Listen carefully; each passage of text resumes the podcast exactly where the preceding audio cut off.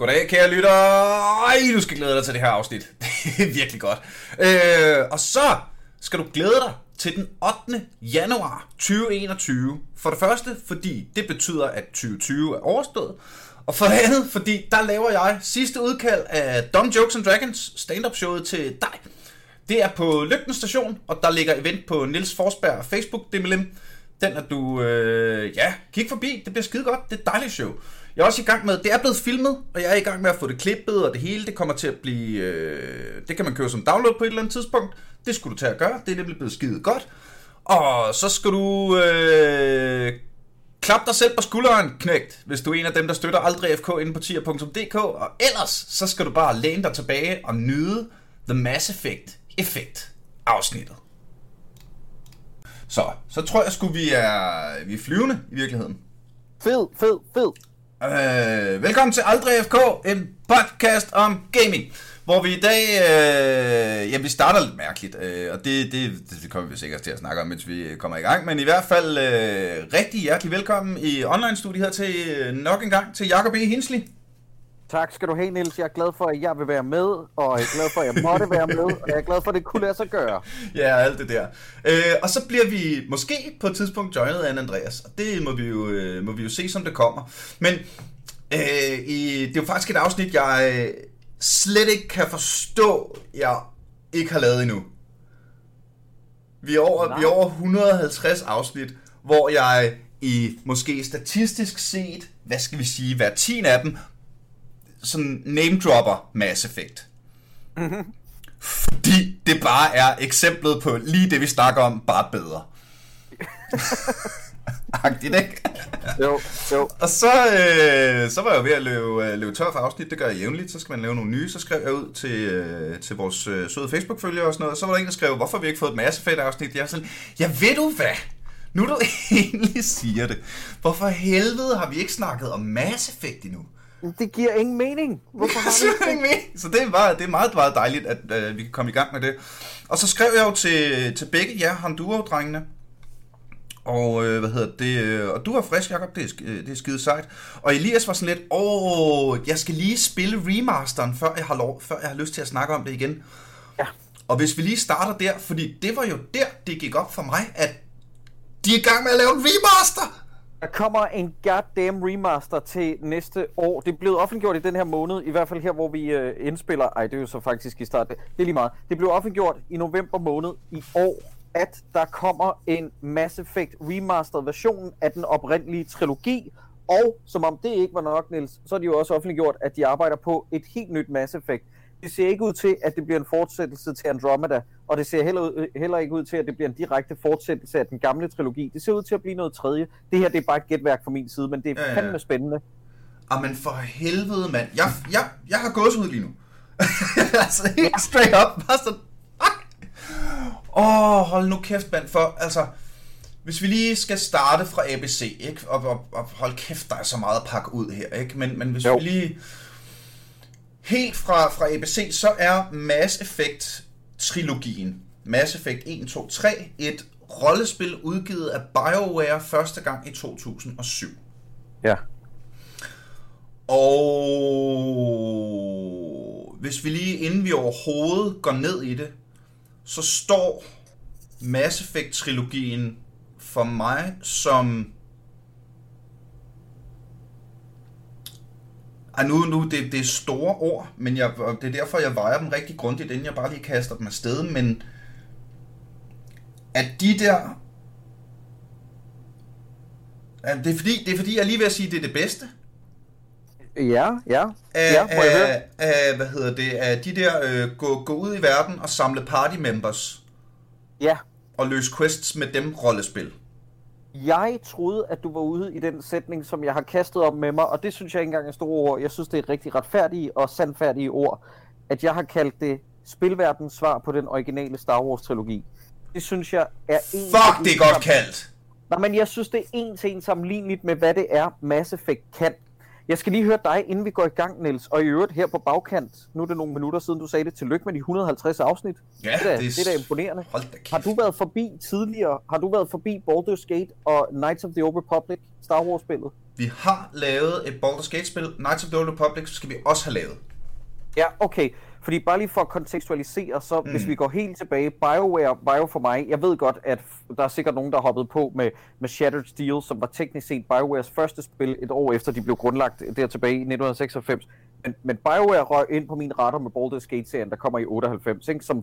for mig står som altså, stadig topmålet for isometriske rollespil. Der, der er mange, ja, ja, der har prøvet efterlignet ja, ja. Og så kommer Star Wars Knights of the Old Republic i 2003, hvor det virkelig var der, jeg tænkte sådan, okay, de skralder lidt ned for det helt store, tonsvis af sidequest øh, det, til højre og venstre og sådan noget, og så laver de en mere indskrænket, mere strømlignet version af historiefortælling sat i et Star Wars-univers, hvor der stadig er mulighed for rollespil. Ikke? Mm. Og så kommer der der, som du siger, i 2007, Mass Effect. Jeg kan huske, at jeg anmeldte det første mm. til Troldspejlet i sin tid.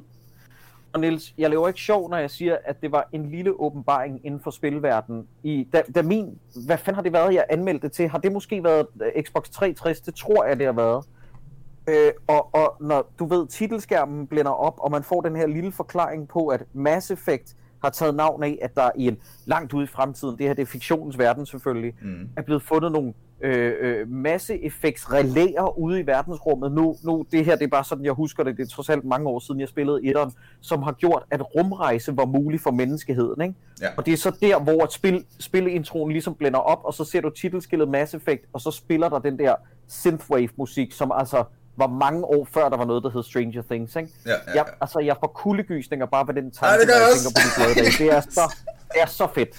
Der har jeg faktisk en lille, en lille tagline til den, fordi øh, Mass Effect er, øh, hvad hedder det, øh, den effekt, det har på en civilisation, når de opdager Mass Relay-teknologien. Yes. Og den der mass relay-teknologien, det er, øh, hvad hedder det, øh, ude i universet, så er der de her store ting, som gør, at man kan flyve, altså rejse rigtig hurtigt gennem ja. galakserne, ikke? Øh, og det er typisk, når en civilisation opdager dem, og teknologien, der er associeret med dem, det er der teknologi, det er der civilisationen opdager, at de ikke er alene i universet, og udvikler sig derfor noget. Og ma- the mass effect er det, der sker med en civilisation, når de opdager og, og, og altså både får adgang til den her teknologi, men også hele den der filosofiske, okay, der findes aliens, hvad gør vi, ikke? Jo, jo, jo. Men der er et metalag i titlen Mass Effect, som, øh, hvad hedder det, øh, underspiller, at dine handlinger har massiv effekt på spillet. Ah, For det har, jeg har ikke engang over det metalag. For Mass Effect var... Øh, jeg, jeg, jeg, har, jeg har stenet lidt de sidste par dage for at, øh, at, at, at, se en masse YouTube-videoer og sådan noget for at forberede det her afsnit, og jeg synes, det var sådan en syg god pointe. Jeg hørte i en af dem. Vil gerne shout kanalen, hvis jeg kan huske det. Men pointen var, at Mass Effect var det første rollespil, hvor dine handlinger havde massiv indvirkning på, hvordan historien udspillede sig. Ja, ja.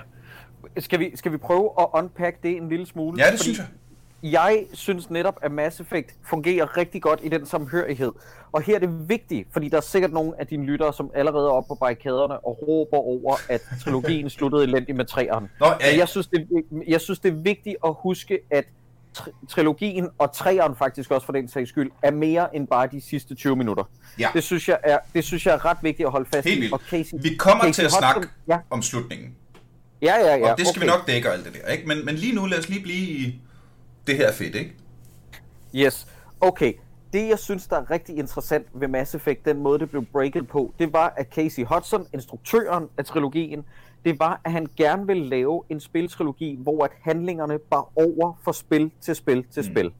Og det var netop den ting, som jeg synes, der var så unikt ved Mass Effect. Hvis man sidder derude og er sådan lidt, du ved, skeptisk over et rollespil, og den der fortælling øh, øh, bare virker som om, at den nul starter hver gang du starter et nyt spil op, så har de simpelthen ikke prøvet rubberband-effekten, der er i Mass Effect. Fordi det var også et af de spil, hvor jeg mm. virkelig mærkede mine konsekvenser. Ikke bare to timer senere i et spil, men, men flere år efter, da jeg blændede op for yeah. træeren, der kunne jeg begynde at mærke, hvad jeg havde gjort i toeren og etteren. Ja. Og det synes jeg er helt unikt med Mass Effect. Det er, øh, det er så rigtigt.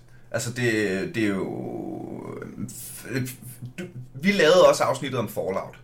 Ja, Og det var jo det, der altså hver gang jeg nævner Fallout 4, mm-hmm. så det, det kan bedst om, opsummeres i øh, et meme, jeg så, som var en sur Fallout guy, og så stod der, Bethesda forgot to put the RP in my G. Ja, det er så rigtigt. Og det er jo netop det, at når du spiller Fallout 4, så hver gang du møder en person, så har alle personerne en quest til dig, og så har du valg imellem at sige ja til questen, eller om at sige sarkastisk ja til questen. Ja. Og alle interaktioner og alle gameplays forløber fuldstændig en til en ens. Uanset, ja. og det der med, jeg, jeg tror, jeg nævnte det i Fallout-afsnittet, men det, jeg synes, det er en, den er værd at tage op igen her. Første gang, jeg spillede Fallout 4, der var jeg jo sådan lidt, okay, nu er der hele det her crafting-system. Så nu, hvad hedder det, øh, så nu vil jeg gerne, nu laver jeg en tech guy, mega høj intelligence, all in på science, hele det der show, ikke? Mm-hmm. Og så øh, løber du rundt i Fallout 4-verdenen, og på et eller andet tidspunkt, så rammer du en quest, hvor du skal hjælpe en eller anden gal videnskabsmand med et eller andet, ikke? Ja. Og han siger, øh, hvad hedder det, det du skal gøre, det er, at du skal gå derhen og, øh, hvad hedder det, øh, fnippe floppe, kalibrere, fnippe øh, bløbe bløben, et eller andet, Ja. ikke? Og så, i de gamle Fallout-spil, der var det jo sådan, at hvis du havde højt science, så ville der være en dialog option, der hed, jamen øh, faktisk har du tænkt på, at øh, du kan remote-kalibrere, hvis du knæppe flippebøber og øh, glabbebabbebabben, og så er han så lidt, wow, hvem er du, der er her i Wastelandet, og hvad er så god til science og sådan noget. Men i Fallout 4, der var det bare, jeg, jeg havde maxet science, 10 intelligence, alle stats, og de eneste dialog options, jeg havde available her, det var sådan noget med, jamen hvad, fa- hvad gør en skruenøgle, blø? Der, var, der var slet ikke noget som helst interaktion fra spillets side, som reagerede på, hvordan jeg gjorde. Nej, det er, det er Som er det modsatte af Mass Effect. Hvor, øh, altså vi, vi kommer, og, og øh, for det første spoiler alert. Det er en gammel serie, vi kan ikke snakke om det uden at spoile. Nej. Det må I finde jer i. Øh, jeg, øh, det er stadig værd at spille spillene. Øhm, der er for eksempel etteren ret tidligt, hvor øh, og, øh, vi skal snakke mere om NPC-persongalleriet. Ja, ja i den grad. Er du gal, hvor skal vi meget af det? Lad os lige starte med at sige, det er rigtig godt. Øh, så de to første, sådan øh, du, du samler op, øh, followers, man sådan kan vælge mellem, hvem skal man have med på missioner og sådan noget. Ret tidligt i spillet skal du, øh, er, er dit party blevet splittet op, og du skal vælge, hvem af dem går vi hen og redder. Ja. Og det er sådan ret tidligt i spillet, at du bare får etableret, nu tager du en beslutning, der påvirker resten af spillet. Ja. Der påvirker videre i fucking 203'eren, ikke? Altså, Det er, øhm, det er ret sindssygt, den måde, de får etableret det på. Jamen, jamen du har fuldstændig ret. Altså, det er ikke fordi, at vi skal bevæge os ned af det der øh, øh, Fallout-argument, men vi kan lige så godt lige gøre det lidt mere nu, når du selv har bragt det på. Fordi jeg, du har- jeg er altid klar på at hate på Fallout 4. Jamen, Ja, altså. jamen, jamen, jeg forstår det godt, og du ved også godt, at jeg er ikke vred på samme måde øh, over ja, for ja. det spil, som du er, men jeg forstår alle dine argumenter, og jeg hører dem. Jeg tror, det der er vigtigt at præcisere med, at grunden til, at Mass Effect fungerede så i, i så høj grad over en spilserie på tre, fordi man kan sige meget om Fallout, og de hænger jo sammen i ånden, men historierne er individuelle i 1'eren, 2'eren og faktisk også 3'eren, ikke? Jo, jo. 4'eren, det snakker vi ikke om lige nu. Men, men, det, altså, det der er med Fallout, det er Fallout-universet. Ja, det er nemlig det. Ja. Og, og jeg tror, at grunden til, at Mass Effect-serien fungerer så godt i en fortælling, fordi vi skal virkelig ikke underkende, at der, hvor at Mass Effect excellerer faktisk i højere grad end rollespilselementet og action-elementet, det er storytellingen i det. Ja. Og grunden til, at det kan excellere så voldsomt, tror jeg, Niels, det er fordi, at de har valgt lidt på forhånd. Det her rollespil er ikke et rollespil, som vi kender det fra Fallout, hvor du kan, som du ved, i træeren nuke en by, hvis du er rigtig psykopat, Mm. eller bare være en good guy. I, I Mass Effect, der er historien så strømlignet, at du trods alt altid vil kæmpe for The Alliance. Det er mere fremgangsmåden, du gør det på. Ja. Du kan, aldrig, du kan aldrig vende dig mod i The Alliance i det første spil, sådan som jeg husker det i hvert fald. Men der har de de der to valgmuligheder. Det er din fremgangsmåde, der er, er du Paragon, som er den gode, Ja. eller er du Er Renegade, Renegade? som er den ja, som er den mere underartede. Og der har Casey Hudson, som jeg husker det, brugt eksemplet på fremgangsmåden i deres måde at programmere og skrive handlingen på, at du kan enten være Captain Kirk, som er den retmæssige, Ja, ja, ja. udgave af en hovedperson, eller du kan være Jack Bauer, som er sådan lidt psykopatudgaven af en Ja. hovedperson. Ikke? Ja. Det synes jeg er en ret fin måde at statuere et eksempel på. Og øh, nu har du åbnet den vej, den skal vi lige ned af. Det er jo sådan generelt i, øh, i spillene, at i, jo mere sådan overskudsagtig, øh, Captain America-agtigt, du svarer på, hvad hedder det, øh, på dialogue options, så begynder du at få Paragon Points. Ja. Og hvis du har nok Paragon Points, kan du i senere dialogues øh, sige noget rigtig Paragon-agtigt, og måske endda ja. Ja. løse en konflikt, eller hvad hedder det, øh, klare en quest bedre, eller smartere, og optjene flere ressourcer, whatever, gør ting bedre, fordi du bare er, har, altså bare er the righteous dude, der gør ting rigtigt og ordentligt. Ikke? Mm-hmm. Og det er, ikke, det er ikke sådan underkuget, øh, altså det, det, det er på den fede måde. Ja, Ja. Det er fedt at spille Paragon. Fordi du samtidig er sådan, har ret, og er, altså, du er jo altid Shepard. Øj, vi skal også snakke om Shepard. ja, ja, ja. Men vi skal snakke Nå. om det hele. øhm, og så er der jo så Renegade-måden, som er lidt mere sådan Dirty Harry, Jack Bauer, øhm, hvad kan man sige, der er, en, der er, må- der er måske også lidt, øh, lidt Geralt of Rivia over det i virkeligheden. Ja, ja. Øhm, lidt mere chaotic good, om du vil. Ja, ja. Og så jo mere du er badass på den, øh, jo så kan du så senere unlocke, øh, hvad hedder det, øh, Renegade Dialogue Options. Som for eksempel i toeren husker jeg, at der er et sted, hvor du, du går undercover som legesoldat på en planet. Fordi de der legesoldater er efter et target, som du, som en, som du egentlig godt kan lide, så tænker du, "Nå, men så lader jeg som om jeg er legesoldat. Og, øh, og så skyder jeg alle de andre legesoldater, og så øh, redder jeg den der person. Det er skide godt, ikke? Jo. Og så øh, går du ind der og øh, siger, goddag, jeg vil gerne være legesoldat, jeg er en kæmpe badass, og så siger du nogle badass ting, og så siger han, åh, oh, du virker badass, du må gerne være en af vores legesoldater. Og så på vej ud derfra, går der en øh, meget, meget ung gut ind. Og Shepard, øh, som er hovedpersonen, stopper op og siger, hey, øh, hvad, hvad skal du derinde? Velvidende, at han kommer til at skyde alle legesoldaterne sådan om en time-agtigt. Ja. Og den her lille knægt siger, Nå, men det er bare fordi, at øh, jeg har ikke så meget andet at tage mig til, og jeg har den her pistol og sådan noget, øh, den har jeg alligevel lige købt for alle mine penge, og så tænker jeg, jeg skulle måske ud og være legesoldat. Måske var det det, jeg skulle, ikke? Mm-hmm. Og så kan du, hvis du har været Paragon eller Renegade nok tidligere, så får du, hvis du ikke har været nogen af delene, så er din dialogue option, så kan du sige, hey, det er måske ikke så god en idé, og så siger han, fuck dig, gamle mand, og så går han forbi dig. Ja. Hvis du har været Paragon nok, så kan du altså bruge nogle bedre ord, eller sådan lægge hånden på en skulder og sige, prøv at høre her, du, det sgu ikke så... Øh, formuleret det bedre, og være sådan cool omkring det. At mm. det ikke kommer til at ske. Eller der er Renegade option, at du tager hans pistol og knækker den og går din vej. Ja, det er rigtigt. Og det er bare sådan, synes jeg er et sygt godt eksempel på, hvordan at det er jo den samme historie. Og, og, Ja. og, og spillet er jo selvfølgelig designet til, at du skal igennem det. Øh, og, og du ender jo ved den samme boss fight og sådan noget. Selvfølgelig gør du det.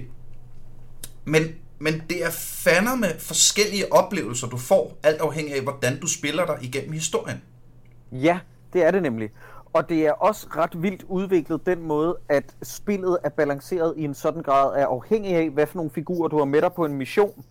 Afhængig af, hvad for nogle figurer, der har overlevet en fortælling til en fortælling. Fordi at der er en figur, som øh, bliver introduceret ret tidligt, øh, Anderson, som vi kan øh, snakke om, som får en måske romantisk betydning, eller hvis du beslutter dig for, at hun er et racistisk røvhul, mm. at du så ikke har en romantisk betydning med hende. Ikke? Men det er vildt den måde, at, at spillet er programmeret på, at du altid får en god oplevelse ud af det med, at også afhængig af, hvad det er for nogle to holdmedlemmer, du har med på en mission, Niels, mm. så vil der være en, der Du, svært valg, øh, som spiller djævelens advokat, og Ja. en, der har...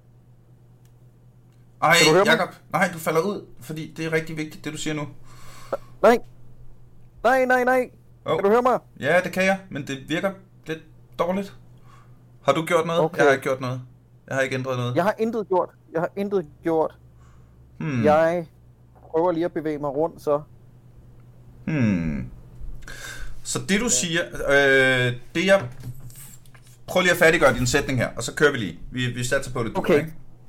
Okay, Øhm, du må lige sige om uh, lydkvaliteten er lort, lort, lort. Men, men det jeg prøver, Ja, kør. det jeg prøver at sige, det er, at, at spillet er så godt balanceret, at afhængig af, hvad det er for nogle to holdmedlemmer, du har med dig, vil der altid være en, der leger djævelens advokat, og altid være en, der er sådan goody two shoes. Så godt er spillet balanceret, at du altid kan få to perspektiver fra, øh, fra dine holdmedlemmer. Fuck, det giver mening nu, du siger det. Ja, jamen det er, det er simpelthen så sejt lavet. Det, og det er det, jeg mener med kærligheden, der skinner, skinner igennem det her øh, projekt, ikke? Og Prøv, prøv, lige, prøv lige at er- overveje, hvor sygt kompliceret det egentlig er. Hvad er der? Øh, lad os sige, der er sådan seks forskellige øh, NPC'er, man kan have med på sit hold. Ja. Passer det meget godt? Jo, jeg tror i toeren er det 12, men lad os bare sige det. Okay, det, nå, det, nå, det fuck det, så lad os sige 12, lad os sige 10, whatever. Og du kan have to med, når du forlader skibet. Ja. Det betyder, at i alle quests, hvor du skal tage beslutninger, hvilket er rigtig mange, faktisk de fleste, der er de, lad os sige 10 party members, altid kodet, sådan at uanset hvem af dem du tager med, Ja. så vil de give stadig to forskellige perspektiver. Ja. Og det er virkelig sådan der, hvor man begynder... Fuck, hvor er det Ja. genialt, mand! Jamen, det er så sejt lavet. Og det er virkelig der, hvor du begynder at mærke, at de lever sådan for alvor, de der figurer. Altså, jeg kan lige så godt være ærlig. Jeg kan ikke huske en eneste bifigur, som du kan hive med dig på en mission i Fallout 4. Men jeg kan huske alle bi- bifigurerne for Mass Effect 2. Ja, ja, ja, det er så rigtigt. Det er så helt rigtigt. utroligt. Og det er så rigtigt. Jeg kan huske Strong, en supermutant follower, du kan få, fordi jeg lige har spillet det. Åh, oh, okay, Jamen, ham har jeg lykkeligt glemt. Men, men jeg, øh, altså, jeg kan huske, du ved, jeg kan huske øh, øh, hende der psykopat øh, Reddick-agtige figur. Jack for Ja. ja. toeren, ikke? Hun er en bifigur i mange øjne. For mig havde hun et vildt stort impact, fordi at toeren, toeren er en mere nedbarberet udgave end etteren, fordi at der fik de virkelig udarbejdet og slettet nogle af børnesygdommene, der var i etteren. Mm. Øh, fordi, hvi- hvis jeg lige skal tage det sådan helt grundlæggende. Etteren satte et rigtig fedt univers, hvor de ja. prøvede at lave et lidt nyt take på, sci- øh, på science fiction.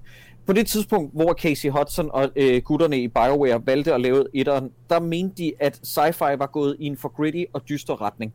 Så man kan sige, jeg har ikke et vildt godt eksempel lige på hånden, men lad os sige, at det var lidt mere, du ved, øh, se lyst på fremtiden, det lugtede lidt mere af det femte element end Blade Runner, hvis jeg må være Ja. så fræk. Ikke? Ja, ja, ja. Der, var, der, var, der var slike overflader og ret godt humør, selvom det var en stor historie om, at øh, øh, verdens, universets øh, skæbne var på spil. Mm. I toeren, sådan som jeg ser det, Niels, og jeg vil med glæde høre dit input, der er de altså gået lidt mere gritty til værks. Altså, der var der mere fokus på Blade Runner. Der var, det var næsten mere en noir-fortælling.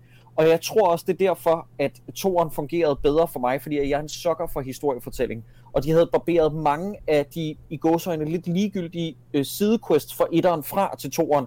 Toeren er en langt mere strømlignet fortælling. Mm. Hvor, at, hvor at jeg også vil være så fræk som at sige, at nogle af de der, øh, øh, øh, hvad er det, de hedder, de der alliance quests, man skal lave for ens companions, for at man vinder deres tillid. Jeg kan Ja, ikke huske, hvad de hedder. Uh, companion quests, vel? Ja, companion quest, tak skal du have.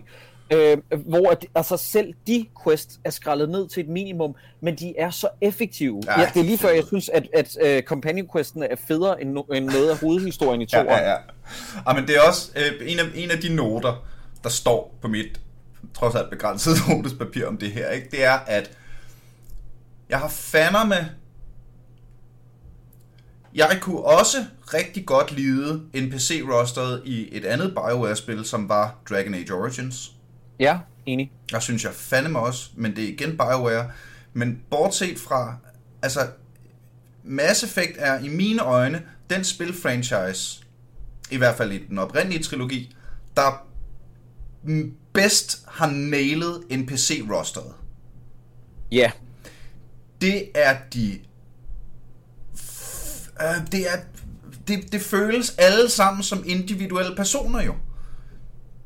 Med, med, med, med frygte og ambitioner og holdninger og øh, fucking kampstile og og de, de er så nogle af dem er så likable og nogle af dem er så dislikable men de føles alle sammen så fucking ægte Og måske det har noget at gøre med, øh, med den Ja. måde, de er kodet på, som Ja. vi lige har lært, ikke? Altså, at, at, at det, det, øh, det er...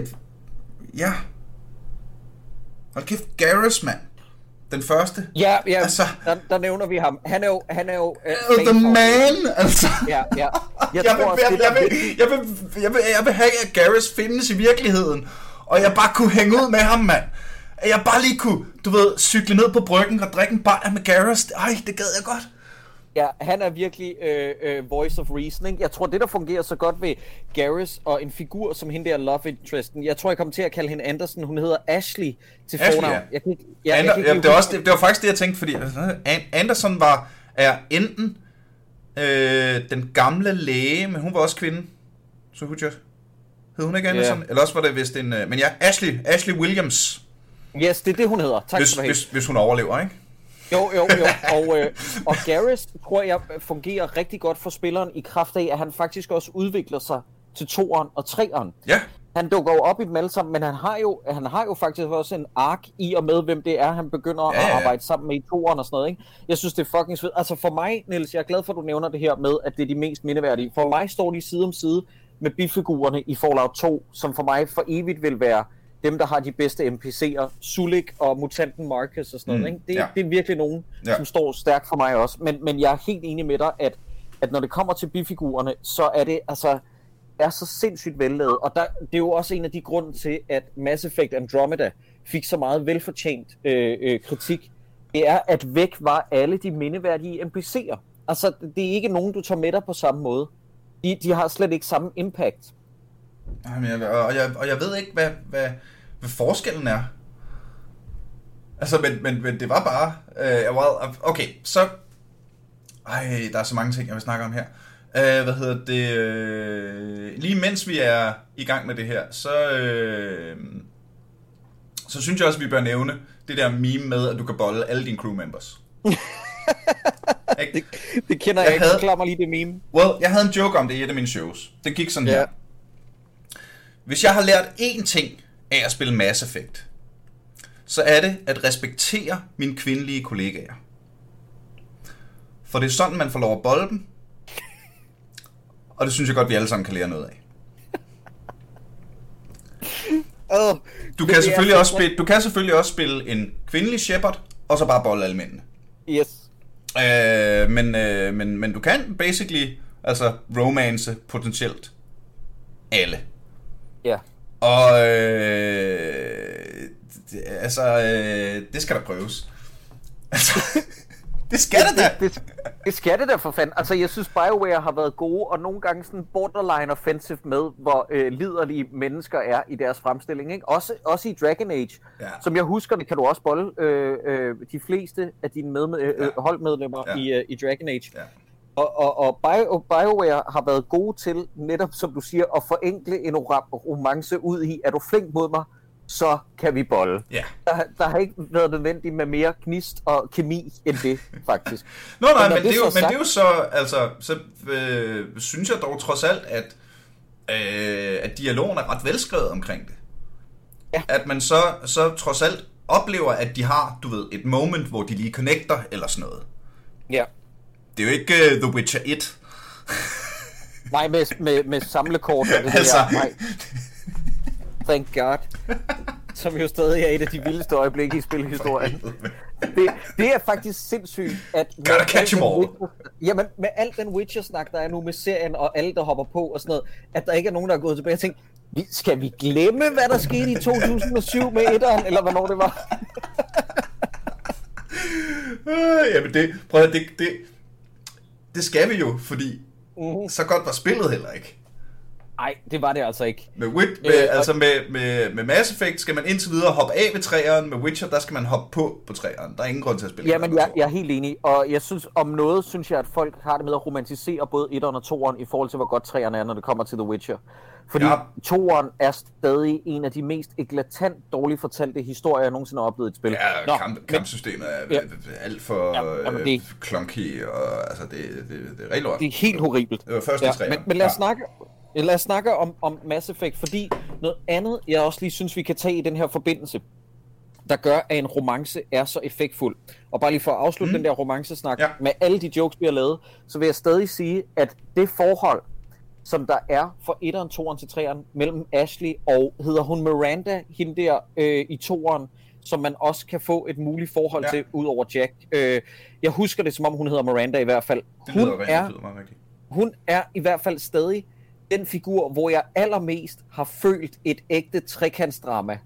Altså ja. fordi, så, øh, så øh, kakkede jeg med hende i, øh, i toeren, og så lige pludselig dukker Ashley op igen i treeren, ikke? Ja, det er det. Og, og der sad jeg for alvor, og det er første gang, tror jeg, det er sket i et spil, hvor jeg sad med en fornemmelse af, Øj, den, den var ikke god, den der, ikke? Der følte jeg mig virkelig... Det prøvede jeg i The Witcher 3. Ja, ja, ja, ja præcis. Witcher 3 har nemlig taget Hvor hvis man så der. ah, I er alle sammen meget lækre, så ender de bare med at være, så får du ikke nogen af os, din store idiot. Nej, nej. Gider du? Ja, det er det, der er så dumt og fantastisk ved det spil i øvrigt. Ja, Ah, det er sjovt. ja.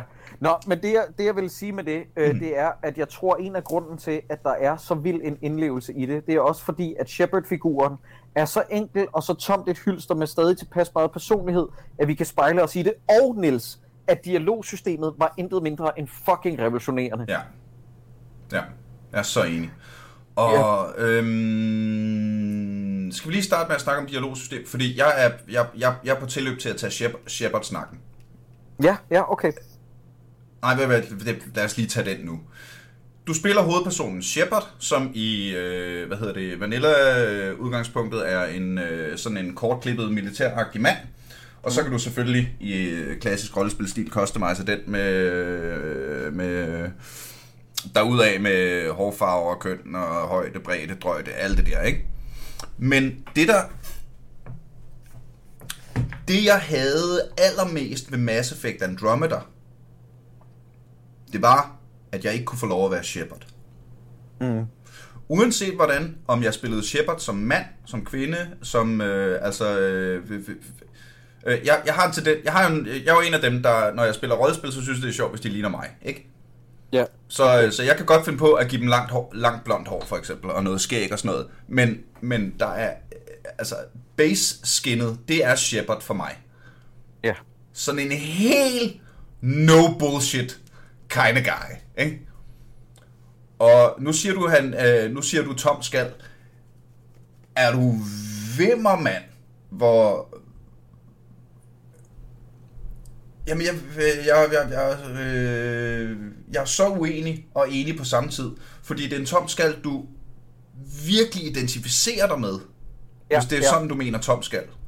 Jeg mener, øh, det var, det var derfor, at jeg sagde, at den er så tilpas tom, Mm. at du kan processere dig ind i det.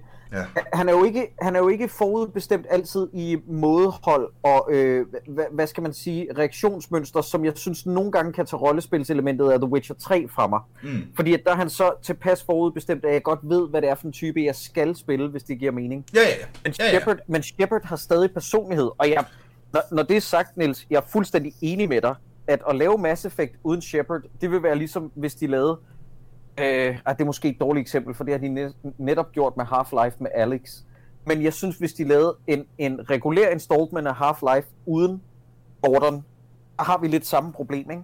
Jamen, Det- altså, det- så, det- så, så, lav en, så, så, kald, så lav Indiana Jones 6 uden Indiana Jones. Ja, jamen det, det er, det, det, det, vil er fandme, altid det er være- fandme at lege med ilden. Altså, uh, og når samtidig er Shepards dialoger, om du så går den ene, sådan rent goody two shoes, eller fuck jer, jeg er klogere end jer, gør som jeg siger, vejen, så er hans dialogue options bare så sindssygt velskrevet. Ja, Fordi han, at det virker som om, han altid siger faktisk det, jeg tænker i situationen. ja, I for, I, øh, jeg, jeg, jeg er i gang med at spille øh, Far Cry 4 igennem lige nu. Som jo er et Øh, rent ja. actionspil. Der er slet ikke noget rollespil over det. det er Pergamin, ikke? Er det ikke den? Øh, jo, lige præcis. Ja, ja. Øh, hvad hedder det? Øh, og der er på et tidspunkt, du møder... Øh, lille spoiler, men det er også et gammelt spil, så det må jeg gerne. I Cry, der er på et tidspunkt, du møder nogle øh, dudes, som øh, ryger nogle joints og leger lidt med nogle stoffer, og du snakker lidt med dem, og pludselig så drugger de dig, og øh, sælger dig til en lokal arena, hvor du skal slås for dit liv, ikke? Nå ja, ja.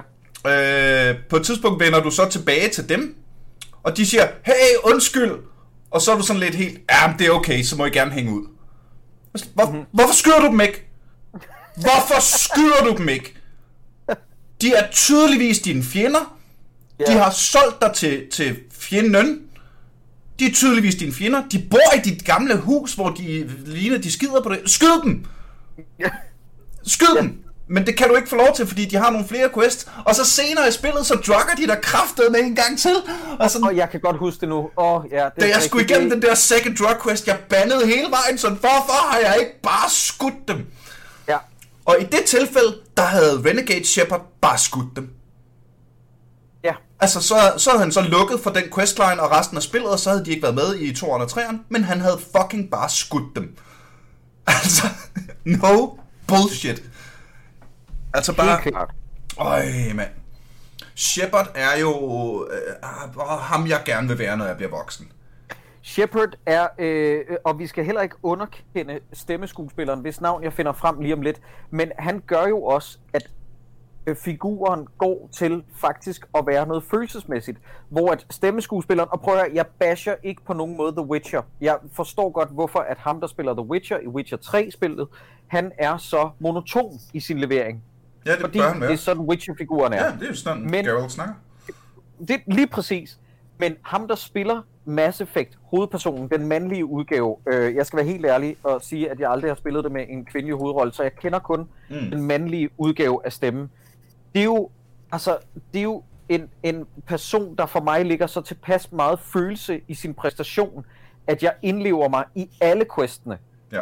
Øh, Han hedder, han hedder Mark Meir i øvrigt, ham der lægger stemmen til den mandlige udgave lavet. af Commander Shepard, og Jennifer Hill lægger stemmen til den kvindelige. Jeg, kan, jeg har spillet toren igennem som kvinde en enkelt gang. Ja, Øh, det er også genialt. ja, Altså, og der, der er i virkeligheden noget... Der er en, der, okay, så der er en øh, NPC-race, der hedder Krogans. Som... Øh, det er rum-ogres, basically, ikke? Fuldstændig. De er intelligente, men de er super voldelige, og de er kæmpestore, og de er fucking farlige, og altså hele deres samfund er bygget op på, hvem kan tæve mænd, hvem bedst. Og der er et scene i toeren, hvor hvis du har Renegade point nok, når du besøger Krogan-planeten, hvor du nikker deres konge en skalle. det kan jeg godt huske, jeg har set. og, og der er altså noget med at gøre det som kvinde. Ja, at bare, jeg spiller selvfølgelig Renegade, ikke? Altså, ja, ja, det er klart. Og så bare den der lille menneskedame, der nærmest bare hopper op og fucking nikker Krogan Commanderen en skalle. Og alle Krogans omkring er så lidt, ja, det var meget cool gjort.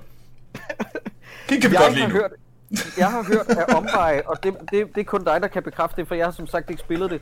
Jeg har hørt af omveje, at ham, der leverer den mandlige dialog, øh, altså den mandlige Shepard, at han er faktisk meget mere vanilla og øh, øh, øh, monoton i sin levering end Jennifer Hill, altså den kvindelige udgave. Jeg har hørt, at hendes levering fik hun mange, meget, fri, øh, meget mere frie tøjler Mm. til at øh, øh, være mere emotionelt udsvingende og gøre det mere interessant på den Åh, måde. det Så sgu- den, den oplevelse har jeg stadig til gode. Det er sgu mange år siden, jeg har spillet det, men jeg husker det. Jeg husker Ja. det meget, meget, meget positivt, og det kunne øh, så være en, øh, en opfordring til, når man spiller remaster-versionen, så tag den tur som, øh, som Shepherd, hvis du ikke har prøvet det endnu. Det er klart oplevelsen ja. værd. Helt klart. Men, men, men må jeg lige vende tilbage, fordi at, som jeg sagde indledningsvis, det der med at sammenligne det med Star Wars, den originale trilogi, synes jeg Ja. passer rigtig fint. Fordi etteren, det første Mass Effect, er ligesom A New Hope. Det var Ja. virkelig her, hvor jeg fik øjnene op for, at nu var der noget helt nyt. Og det vi ikke skal glemme, det var ambitionsniveauet, Niels, i at lave et helt nyt sci-fi-univers, der var Ja. så gennemført Ja. med sin egen lore, at man Fra og tænkte, scratch. Ja, hvor, hvorfor er der ikke allerede lavet bøger og film om det her? Det er så sindssygt. Ja. Så kommer der toeren, som jo for mig er fuldstændig sammenligneligt med uh, The Empire Strikes Back. Ja. Fordi toeren i Mass Effect er også meget mere altså, øh, dyster i tone. Det er mere indadvendt. Det er mere, Ja, det er mere, det er mere voksent.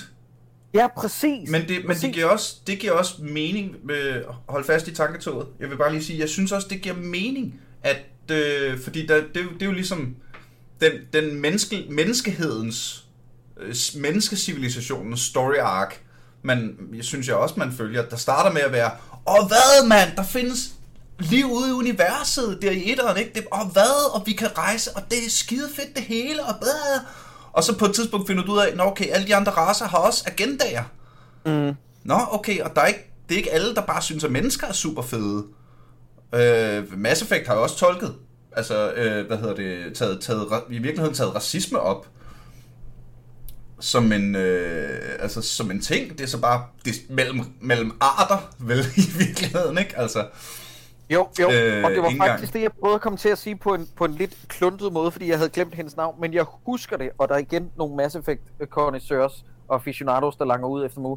Jeg husker, at grunden til, at min romance med Ashley løb tør, det var fordi, jeg fandt ud af, at hun var fucking racist. Altså, mm. rumvæsen racist. Ja. Så den husker jeg, den figur, og det synes jeg bare er enormt interessant og voksen på en eller anden måde, at de kan fortælle den historie om racehad, altså fremmed racehad mm. på den måde, ikke? at jeg sidder og, og bliver tilknyttet til figurer, som jeg synes er åbne og overskudsagtige, og frastøtte figurer, som jeg synes er snæversynet. Ja, ja, ja. Jamen for helvede, mand. Og det er jo det, er jo, det, er jo det der er så... Der, der, tror jeg er med til at gøre universet så troværdigt, det er, at øh, det er alien raser, der overhovedet ikke ligner os, men de ligner os virkelig meget, ikke? Ja, ja. Altså, det er, du kan se, hvordan de der, øh, jeg, kan, jeg kan ikke huske, hvad alle alien hedder, men de der, de der høje, øh, ambassadøragtige, hvordan de er sådan totalt plot, øh, og vi dolker alle sammen, alle sammen hinanden i ryggen, og de andre der bare sådan, nej, prøv, øh, vi, er de, vi er den eneste race, der virker med, øh, ikke? Altså, ja, ja. Der er så jeg mange... Husker, øh, øh, jeg husker, at Asarians, det er dem, der er, ligner sådan Twi'leks for ja. Star Wars. Ja. Det er, dem, det er dem, der er de der blå, øh, som altid bliver sådan seksualiseret. Og så Jamen, er der Solari- så er der, der er Solarian. Også, øh, det, der er jo en grund til, vil jeg dog sige, at Asari altid bliver seksualiseret. Ja, ja. Og det er, at øh, Asari-rasen er kun kvinder. Ja. Og det er ligesom deres ting, det er, at øh, når jamen, de er kvinder, der føder kvinder, så de skal ud i verdensrummet og finde nogle mænd. Ja. ja. Jeg ved så ikke, hvordan Asari-samfundet har fungeret, inden de opdagede Mass Effect-teknologien. Nej, det er rigtigt nok. hvordan, hvordan Asari-planeten bare hænger ud, det øh, skal jeg ikke have været sagt i den område. Der er sikkert ja, ja. en masse klam fanfiction, øh, der drejer sig om lige nøjagtigt det. Jeg tror det er, altså jeg ved ikke, hvad for et spil, der er blevet lavet mere hentai over en Mass Effect. Nej, det og, og, så, og så øh, øh, Morden Zulu, som er en del af den der race, der er Solarians. Det er de der... Åh, oh, det er det, de hedder, ja, Solarians. Ja, ja. ja, det er dem, der er sådan lidt mere... Det, dem, som jeg kalder for øh, det her spilsvar på High Elves, ikke? Du ved, jo, det er sådan jo, jo. den der jo, jo, jo. lidt mere historiske, eftertænksomme, øh, ja, ja, ja. geniale, kloge race, ikke? Ja, lige præcis. Undskyld, hvor kom vi fra? Jo, og så parallellen, der går videre til træeren, det er det her med, at træeren jo så er Ligesom der er mange, der mener, at uh, Return of the Jedi faldt for hinanden, og den var rodet, og det ene og det andet. Jeg ser det stadig som et emotionelt payoff, og så kan vi snakke om de sidste uh, to timer på et andet tidspunkt, eller måske ja, ja. senere her. Men, men, men jeg vil bare lige sige, Niels, du fatter ikke, hvor stort et, et hit det her blev i, uh, i en, en vis del af min venskabskreds. Vi var tre uh, fyre, som begyndte at gå helt vildt meget op i det her spil, og jeg kan love dig for, da toeren kom, og jeg var sådan et røvhul, der fik det et par dage før de andre, fordi jeg skulle anmelde det for troldspejlet. Ikke? Jeg, jeg måtte jo rende Lad os være det er rimelig røvhulsagtigt. Det er jo mega røvhulsagtigt, men jeg måtte jo rende rundt med den der åbenbaring, åbningen er, fordi at de solgte jo spillet på, at øh, reklamerne lød jo, Niels, at ja. øh, Shepard is killed in action, og alle fans var sådan, what the fuck, har de tænkt sig at dræbe Shepard og sådan ja. noget. Men den start der, ja. oh my fucking god, starten i toren ja. er jo, ja. altså, fuck, det er så vildt. Åh, jeg får kuldegysninger, når vi snakker om det. Men, det men, men, men igen, vi har sagt spoiler alert, det kan vi jo godt sige, også fordi det, det, det, det, det gør mindre ondt at, at spoile starten af et spil, vel? Altså, toren starter med, at Shepard dør. Ja, ja. At du spiller. Shepard.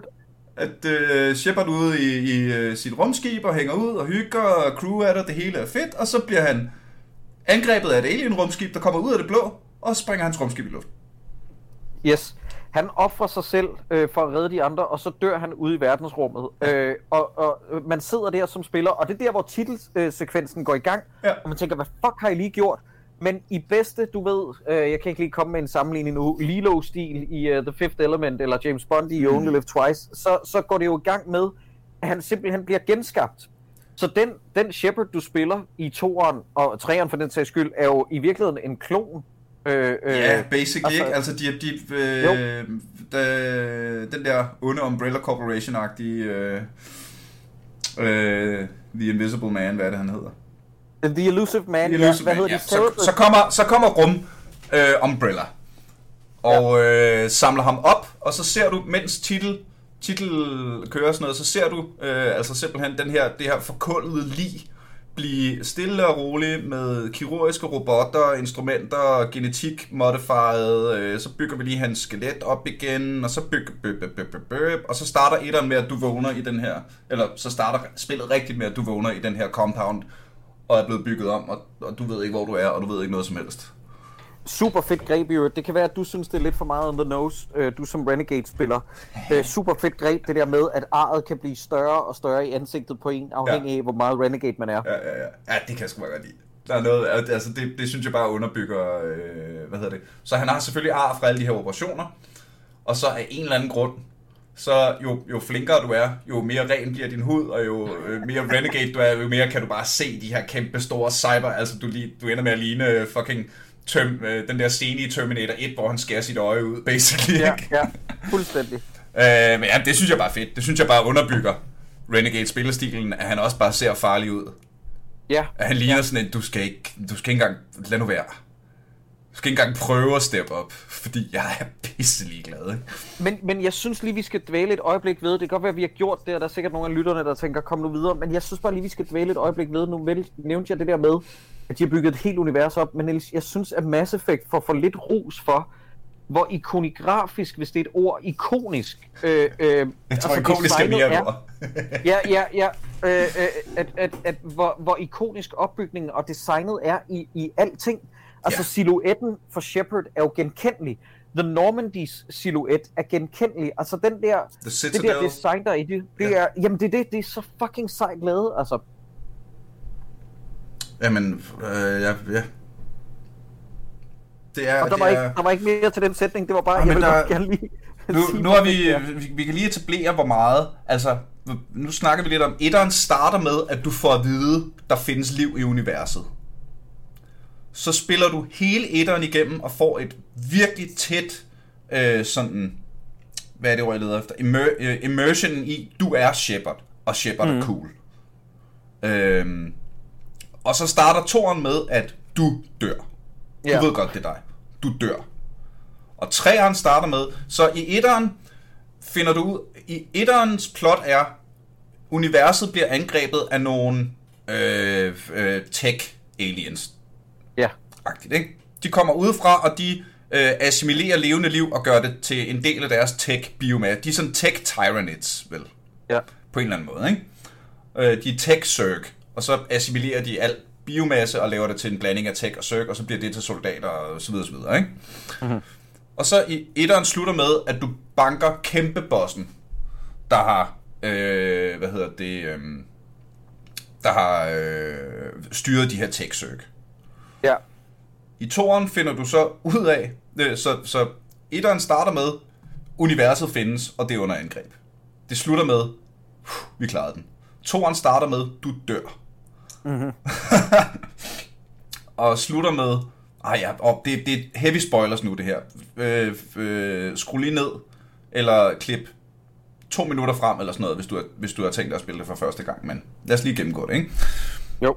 Toren slutter med, okay, så den der ene kæmpe boss øh, fra etteren var i virkeligheden bare en ud af en race af kæmpe bosser, ligesom jeg er et menneske ud af en race af mennesker. Ja. Træeren starter med, og så starter træeren så med, nu bliver jorden angrebet. Mhm. Det er jordens tur. Ja. Og så er vi jo ved at komme til slutningen af podcasten. Øh, Vi, Ja, vi, vi, vi, vi har snart snakket 50 minutter. Vi er nødt til at snakke om slutningen af træerne. Men, jamen, fortæl mig, Niels, fordi jeg er, der er meget, meget få øh, i min venskabskreds, der hang ved øh, så længe, at de har spillet træerne, fordi at man begyndte at få børn og blev ældre og sådan noget. Men Mm. jeg, jeg, hænger, jeg hænger tungt i. Jeg spillede det dengang. Hvornår kom træerne? Det kom i 2012, ikke? Det Jeg spillede det dengang, og jeg synes, det er et flat-out mesterværk. mesterværk. Og jeg må også indrømme, jeg, jeg er ikke en af dem, som altså får ødelagt alt det foregående, hvis de sidste 20 minutter er dårlige. Altså, så, så tror Ja. jeg, problemet er snart, så tror jeg snart, problemet er med rejsen end destinationen. Men forklar mig, fordi at jeg er en af dem, der ikke hader, jeg har ikke de store problemer med det, men sådan som jeg forstår det, Niels, og det er her, du skal forklare mig, hvad det er, der er Mhm. problemet ved det, er det fordi, at der ikke er mulighed nok for rollespilselementet med slutningsmulighederne? Det er... Mass Effect-trilogien er Game of Thrones. Bortset fra, at det kun er afsnit 8 i sæson 8, der er helt af helvede til. Yes, yes. Så det synes jeg ikke, ligesom jeg stadig vil nyde at se rigtig, rigtig meget Game of Thrones, og så måske bare lige hoppe sæson 8 over og sige, det er, ikke, det er der sgu ikke nogen grund til. Mm. Så det det samme med Mass Effect. Vi har jo ikke, vi har jo ikke du og jeg har jo, der har spillet trods alt en del computerspil mellem os to, har jo ikke siddet her og rost det ubetinget til skyerne i en time nu, fordi det er dårligt på grund af slutningen. Nej, nej, nej, nej, bestemt ikke. Øhm, det problem, jeg har med slutningen af Mass Effect 3, det er, at det virker simpelthen ugennemtænkt. Ja, ja. Altså det virker for det første, så det der var så meget Mass Effect, det var jo at spil, det var jo den der massive effekt, dine handlinger havde på det. Mm. Og du bruger træeren på at rejse universet rundt og samle øh, alliancer med alle de forskellige raser og samle sådan ren firepower, der bliver målt i løbet af spillet. Hvor meget firepower har du? Og du skal over det her tal firepower, før du har nogen som helst chance om at forsvare jorden. Ja. Og slutningen bliver det brugt til 0. Okay, men, men øh, bliver vi, aldrig vi, vi, er, jo- nogensinde- vi er jo tungt inde i spoilers. Kan du ikke bare forklare slutningen, og så øh, siger vi lige, at øh, nu kommer slutningen, altså øh. Øh, øh, jamen, der, øh, der er tre... Det slutter... Men den slutter på lidt forskellige måder, alt afhængig af, hvordan du spiller. Ja. Og der er flere forskellige ting. Men, men uanset hvordan det slutter, så virker det bare antiklimatisk. Mm. For det første, fordi alle de... Det meste, du bruger af tid på i træerne, det er at indsamle venner og ressourcer og, og, og fire, fucking firepower til den her krig. Ja. Og det bliver ikke aktiveret på nogen som helst måde. Kan det... Det slutter øhm, med, at Shepard bliver teleporteret ind og øh, møder det der, han nu møder, og så skal han gå ind, øh, basically bare gå, gå igennem en ud af tre døre, og så sker der en ud af tre ting. Mm. Men alle de tre ting virker øh, overhovedet ikke gennemtænkt. For eksempel, at vi, historisk set, det der gør sådan hen mod slutningen af træerne, det, der har du fået samlet alle dine, øh, hvad hedder det, øh, alliancer, og du har basically mass relay teleportet universets her. Hele universets samlede tropper af de alliancer, du nu kunne få, står ved siden af jorden. Mm. Og så bliver alle mass relays sprunget i luften. Så det du fortæller mig, det er, at alle Krogans, som er de her rumogres, Ja. der er totalt klar til slåskamp. De har, de har, de har, de har en war kørende fra Warhammer-universet, hvis, hvis det giver nogen mening. Mm-hmm. Der, er, der er sådan en million rumogres i kamp, altså i fucking battle frenzy. Nu skal vi ud og slås. This is what we train for. Og alle deres fjender forsvinder lige pludselig. Samtidig med, at de ikke kan komme hjem til deres hjemplanet. Samtidig med, at de står lige ved siden af jorden. Mm-hmm. Hvad sker der der? altså, det bliver ikke kønt. Det gør det ikke. Og samtidig der er, sådan, der, der er super mange tråde, der bliver startet, der bare ikke bliver fuldt op på. Ja. Okay, men hvis det her er slutningen, hvad sker der så bagefter? Det her er ikke, er, det her er ikke slutningen. Fordi det, er ikke, det her er ikke slut. Nej, nej, jeg, jeg forstår. Jeg begynder at, at se, hvad det er, øh, raseriet går på. Jeg har læst mig frem til, at folk så også synes, at slutningerne ikke er forskellige nok. At det basically lugter lidt for meget af det samme. Øhm, og så øh, netop det her med, at de løse tråde begynder jeg at kunne forstå nu, hvad det er, kritikken går på. Øhm, jeg, jeg havde ikke samme oplevelse. Jeg synes, det var sådan nogenlunde tilfredsstillende. Men jeg kan sagtens se, hvorfor folk havde drømt om så meget mere. Og det vi heller ikke skal glemme, er, at det tog altså også hårdt på, på BioWare det her. Det de havde arbejdet op imod i fem år, ikke? Mm. Det var ikke forløsende for, for så mange mennesker. Altså, mind you, til, folks ly- øh, til, til podcastens lyttere, træeren ses stadig som et rigtig godt spil, men, men slutningen ses stadig som en af spilhistoriens mest skuffende. Altså, sådan Ja. er det. Der er én ting i træeren, som jeg også har et personligt problem med. Ja, lad mig høre. generelt i løbet af træeren. Og det er, øhm, når jeg nu... Jeg kan godt forstå grebet at give, der, er, øh, der sker i, i løbet af træeren det et par gange, at Shepard har nogle, øh, nogle dårlige drømme, simpelthen. Ja. Øhm, hvad hedder det? Øh, og dem skal du så spille igennem. Som er øh, sådan nogle, øh, hvor du skal hvor du kun kan gå i stedet for at løbe, og du sådan i langsomt skal gå gennem sådan et skyggelandskab, og så er der nogle børn, der græder, og du skal prøve at finde ud af på lyden, hvor de her børn græder henne. Og jeg kan godt se grebet, Mm. men jeg gider det ikke. Jeg gider ikke bruge en halv time på at skulle gå langsomt gennem et skyggelandskab. Det er præcis ligesom, når jeg i Assassin's Creed bliver bedt om at tjekke min e-mail. Det er, det er præcis for mig, Niels. Nu nævnte du det selv tidligere. Når jeg tager et syretrip i Far Cry-spillene. De syretrip skal ud af de fucking spil. Ja. Jeg er så træt af dem. Ja. Øh, og, og jeg ved, hvad det er, du mener. Og jeg skal bare lige sige for lytternes skyld, jeg har ikke spillet træeren, siden det kom for 8 år siden, altså i 2012.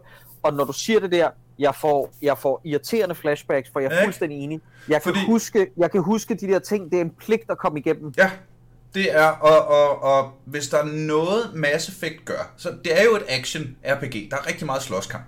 Mm. Men det, det gør rigtig godt, det er, at det virker altid som om, det er vigtige slåskampe. Mm. Du har altid en, en helt reel grund til at være lige der, hvor du er, og kæmpe lige for det, du kæmper for. Ja. Øh, og jamen, det, det er ligesom i, i, i, i Batman Arkham Asylum-spillene.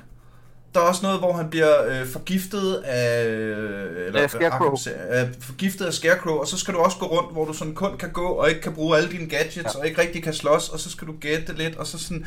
Og kan ikke, kære spiludviklere, vi forstår godt grebet, men gør dem 80% kortere de scener.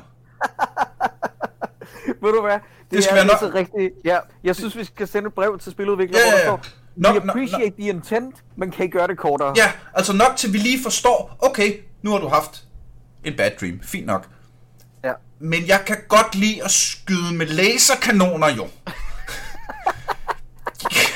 Jeg synes ikke, det er interessant gameplay at gå langsomt.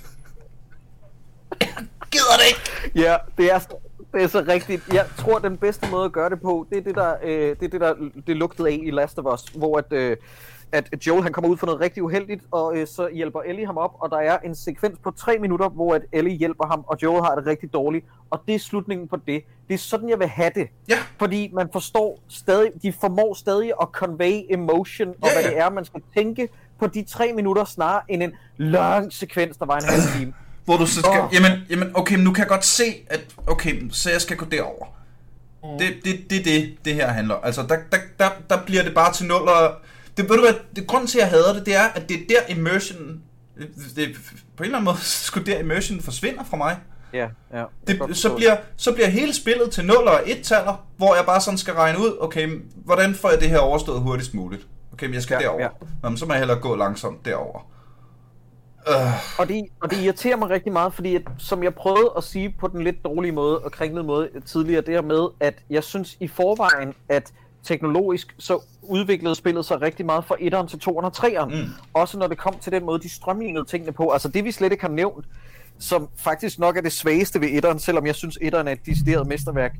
Den her forpulede Mako. ja, ja, Fordi- ja, ja. Fordi for helvede, hvor var det bare en, altså det var en ørkenvandring, næsten bogstaveligt talt med den lorte, øh, det lortekøretøj. Så the- en Mako, til dem der ikke har spillet spillet, er et køretøj, du har på dit skib, så når du lander på en planet, så kan du lige tage en Mako, og så Ja. køre rundt på planet, planeten. Det der var tanken med Makoen, som jeg faktisk synes gav mening, det var, at den, den skulle give dig en skala for, hvor fucking stor en planet egentlig er. Ja. Det synes jeg fungerede. Til gengæld så var altså user interfacet på den her Mako, og styringen så fuldstændig himmelråbende åndssvagt. Jamen, det, det er helt... Altså, jeg, jeg tror også, at det vi øh, heller ikke skal glemme, det er, at øh, BioWare simpelthen ikke havde øh, teknisk formåen, øh, eller en konsol eller computer, der var stærk nok til at lave de så diverse og varierede planeter, som de havde tænkt. Og det resulterede i, at planeterne lignede hinanden bare med en anden overflade. Ikke? Mm. Og, og, og det, var, det var Ja, ja. simpelthen for stort et brød at slå op. Ja. Men det virkede også som om, at, at etteren var det ambitiøse, og da de så fandt ud af, at det her virker, så fik de bare... Etteren er en uslippen diamant, toeren er øh, en diamant. Altså, der er, ikke, Ja. der, er, ikke- der, er, ikke- der er ikke noget andet at sige. Nej, altså, er toeren er... Mass Effect 2 er et af de bedste computerspil, der er lavet. Mm. Punktum. Ja, men Altså, hold kæft, mand. Også bare kampsystemet, der i etteren var sådan lidt, eh, ja, okay, det, det er der, agtigt. Det er sådan lidt, lidt baggrunden for en, for, en, for en virkelig fed historie. Så i toeren, så var det hele bare godt. Ja. Altså, jeg har lyst, jeg, jeg, jeg, øh, jeg, jeg har spillet toeren igennem vildt mange gange. Bare for os, at, altså nu snakker vi om, så kan du spille Paragon, så kan du spille Renegade, men også bare for at prøve en ny class. Mm. Der havde nogle nye, nogle nye bionic abilities, eller et eller andet, ikke? Altså, hvor, hvor øh, de første par gange, jeg spillede spillet, der var jeg meget sådan, "Nå, okay, men jeg, jeg skal bare være soldat. Bare giv mig en AK, og så må I klare alt det der. Hvor senere, så bliver det jo sådan noget, ja, pff, våben, hvem har brug for våben, hvis du bare kaster rundt med folk, ikke? Altså, sætter ild Ja. til dem med din uh, tech-arm, og altså, hvad der, øh, alle mulige komboer, ikke? Og jeg synes faktisk, de formåede at gøre det øh, næsten til perfektion i træerne. Der synes jeg virkelig, at kampsystemet spillede rigtig Ja, godt. det gør. Det, øh, Øh, ingen, Super fucking svedigt. ingen tvivl om det. Og kæft, det er fedt. Ja. Det er mega fedt. Men, men øh, jamen, jeg synes bare heller ikke, vi skal underkende, hvor gode de var til at strømligne den serie og øh, skralde det unødvendige. Altså, det er, jo det, det er jo det fede ved BioWare. Eller, det var det i hvert fald det fede Ja. en gang ved BioWare. Det var, at de lyttede til brugerfeedbacken og tænkte, okay, den der Mako, den skal ud. Så i stedet for i de fremtidige spil, så fik vi et langt mindre areal. Til gengæld var det øh, lavet til perfektion med de Mm. her områder, hvor man skulle... Ja. Øh, man skulle undersøge ting, ikke? Og det og så BioWares historie ender jo i kraftet med i nærmest ulykkelighed med, øh, med, med ja, Mass Effect Andromeda, som mange havde, og så Anthem, men det er en helt anden historie. Mm. Det, det, det, det bliver til et andet afsnit. Vi har snakket en time. Er det rigtigt? Hold Ja. da kæft, det er gået stærkt. Jamen, det gør det, når man har noget på hjerte. Og det har vi tydeligvis begge to haft. Øhm, kan vi prøve at binde sløjfe på... Altså, det er i virkeligheden... Hvis man skal prøve at, at, at opsummere, så øh, kan jeg sgu egentlig rigtig godt lide din, øh, din øh, sætning med... Jamen, det er jo computerspil af Star Wars. Ja, jamen sådan ser jeg det. Øhm, og og øh, det er jo ikke fordi, at BioWare ikke har lavet et fantastisk Star Wars-spil i Knights of the Old Republic, men det er bare ikke en Star Wars-trilogi, som, som det her, det er en science fiction rumopera-trilogi, Ja. som er i min bevidsthed på størrelse med Star Wars. Og den køber jeg kraftet med. Det er jeg glad for at høre. Den, øh, den kan jeg godt lide. Lad det være, øh, lad det være ordene, kære venner. Hold kæft, hvor var det en dejlig snak, Jacob. Jamen, jeg er glad for, at vi kunne gennemføre det, bare øh, du og jeg også, at vi gjorde det. Vi gjorde det for fanden. Ja, for fanden. Og øh, altså, jeg havde øh, ingen tvivl om, om at vi, vi, jeg kender os jo. Vi skal, vi, vi, ord mangler vi aldrig, du og jeg. Nej, nej, nej, vi snakker alligevel af helvede til. Hvad hedder det, hvis man skal følge lidt med i, hvad du render og laver for tiden? Ja, så kan man øh, lytte til P6 Beat, så længe vi nu lever, som er en radiokanal på DR, en DAB-radiokanal, hvor jeg sender eftermiddagsprogrammet fra 14 til 16 hver dag, og ellers så laver jeg et hav af podcast. Øh, øh, Dårligdommerne har en duo klon podcast og sådan noget. Lige præcis. Øh, ja, du, er ikke, du er ikke svær at finde, hvis man leder efter dig. Nej, jeg, jeg går ikke væk som sådan. Det gør jeg ikke. Skide godt. Og så øh, tusind tak, fordi du lyttede med. Især dig, der nåede så langt ind i podcasten, kære lytter.